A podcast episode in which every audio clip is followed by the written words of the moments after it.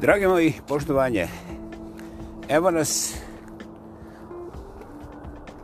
kako god ko želio reći, ali ovo je 70. put slama sa vama, samostalni lingvistički aktivista, monumental, autentični, ja pa ja, ovi drugi, Vladimir kreće ispod predivnih stinovitih planina.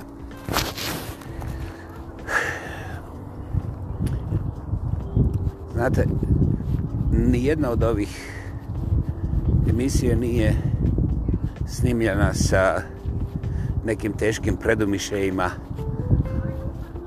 i sa ciljenim rezultatima. Što zvuči upravo ovako kao što sam rekao, a meni je strašno drago jer bez obzira na moguće diskvalifikacije ovih tehničara, tehnologa, kominu, komunikologa i ostalih specijalista, a takvi su redom svi od Miško Sixpack pa do Pere Mala da je donesi još jednu. Ovaj, ja baš ništa nemam protiv, oni mogu to tako reći i zašto ne, kad ja mogu reći ovo, oni mogu reći ono i to je fantastično, onda očigledno, mislim, ništa nije očigledno. Dakle, koliko mi govorimo ovdje o uzaludnosti.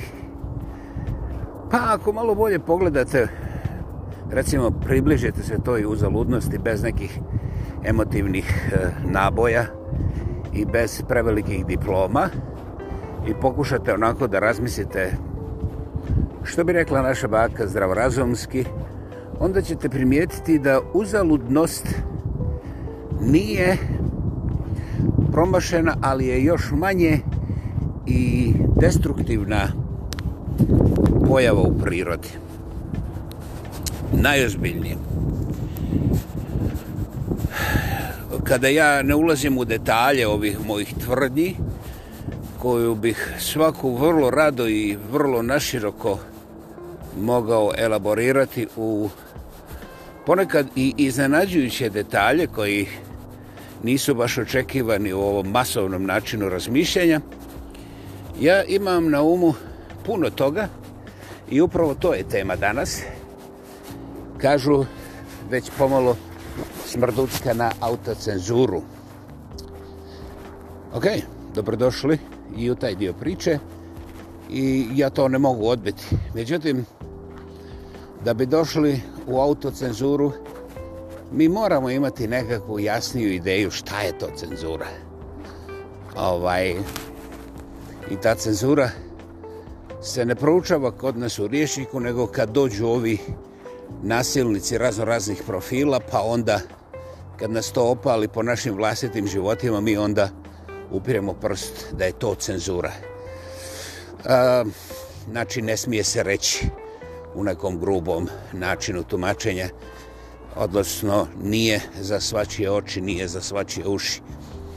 Opet, ko to i kako određuje je vrlo, vrlo široko i duboko pitanje koje se na kraju završa u tački koja se zove nasilje, a ja bi je proširio i za, recimo, ignorantnost, pa onda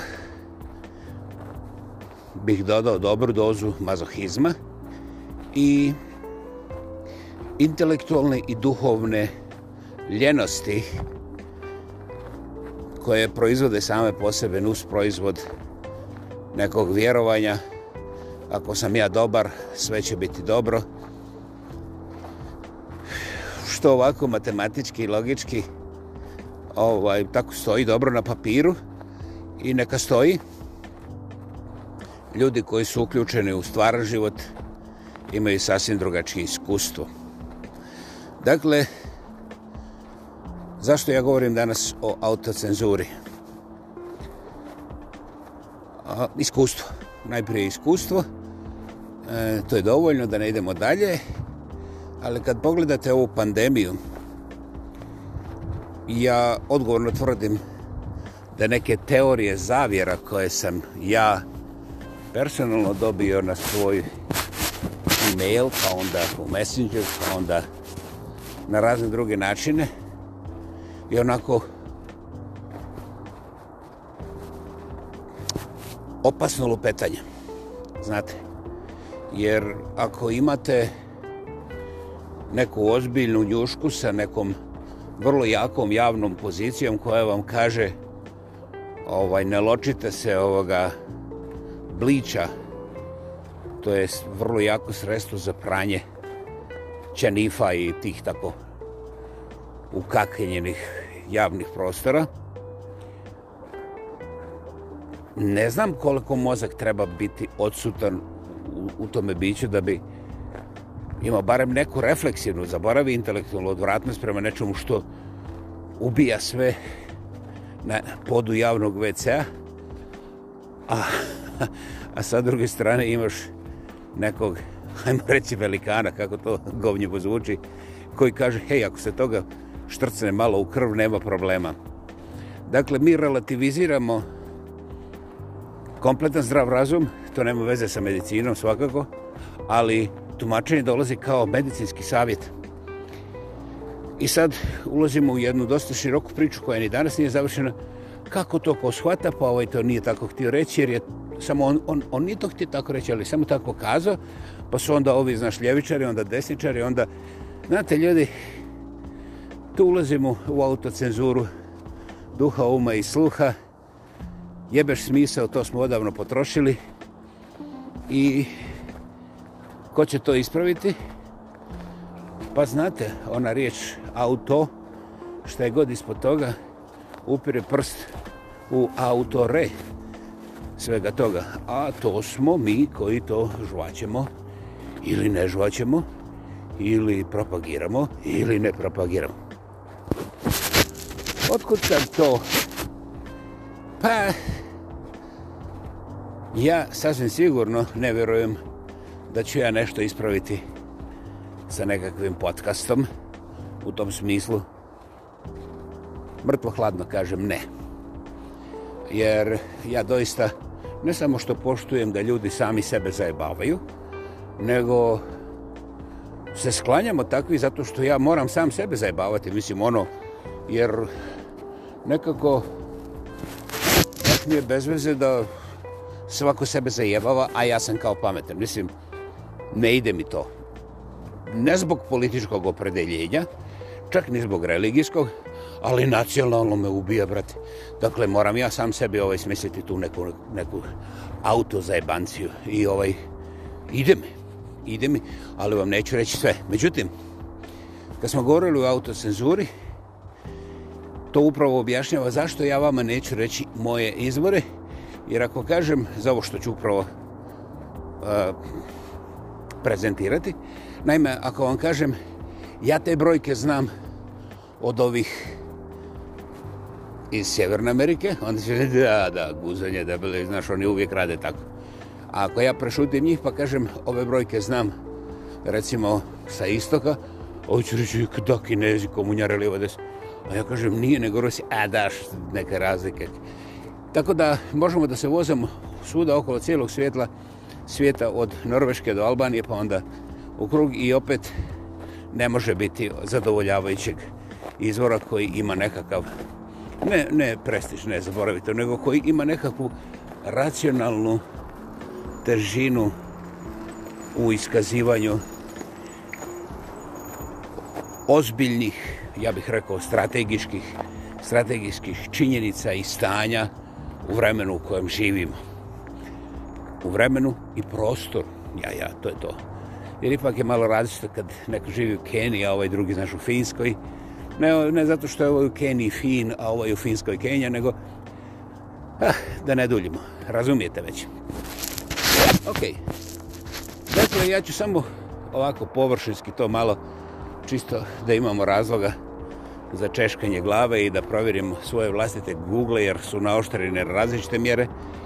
E, svim onim koji koriste Google je jasno ako ja, na primjer, upišem šta je pita i živim u Kravogradu, a ovaj drugi živi, recimo, u Bosilegradu ili možda čak u Skoplju i upiše šta je pita, Vjerovali ili ne, različiti odgovori stižu i njemu i meni, a od iste kompanije smo tražili. A vi kažete da je to geografski različito područje.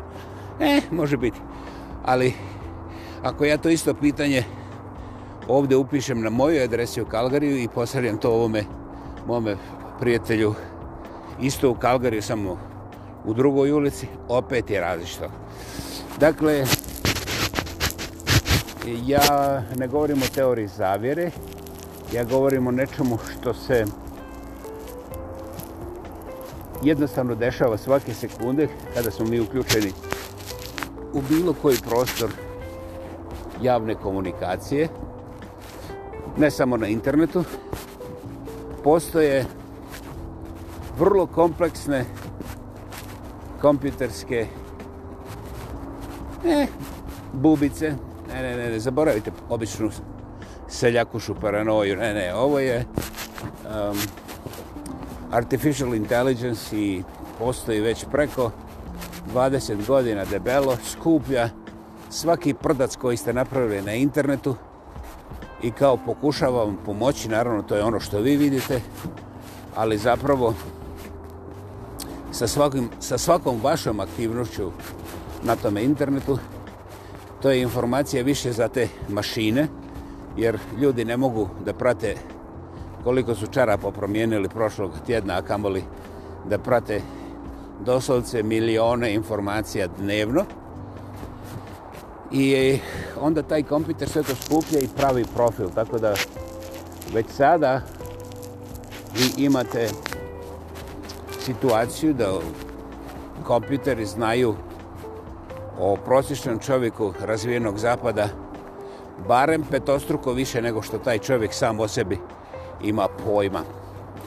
I to je sada prostor gdje uzimo u stručnu diskusiju, a ja bih samo želio naglasiti ljudi, ne zanima me ako vi kažete da sam ja mentalno bolestan, pa sam ja ove stvari izmislio ovako jer mi se svidilo da glumim pametnjakoviće na mom vlastitom podcastu.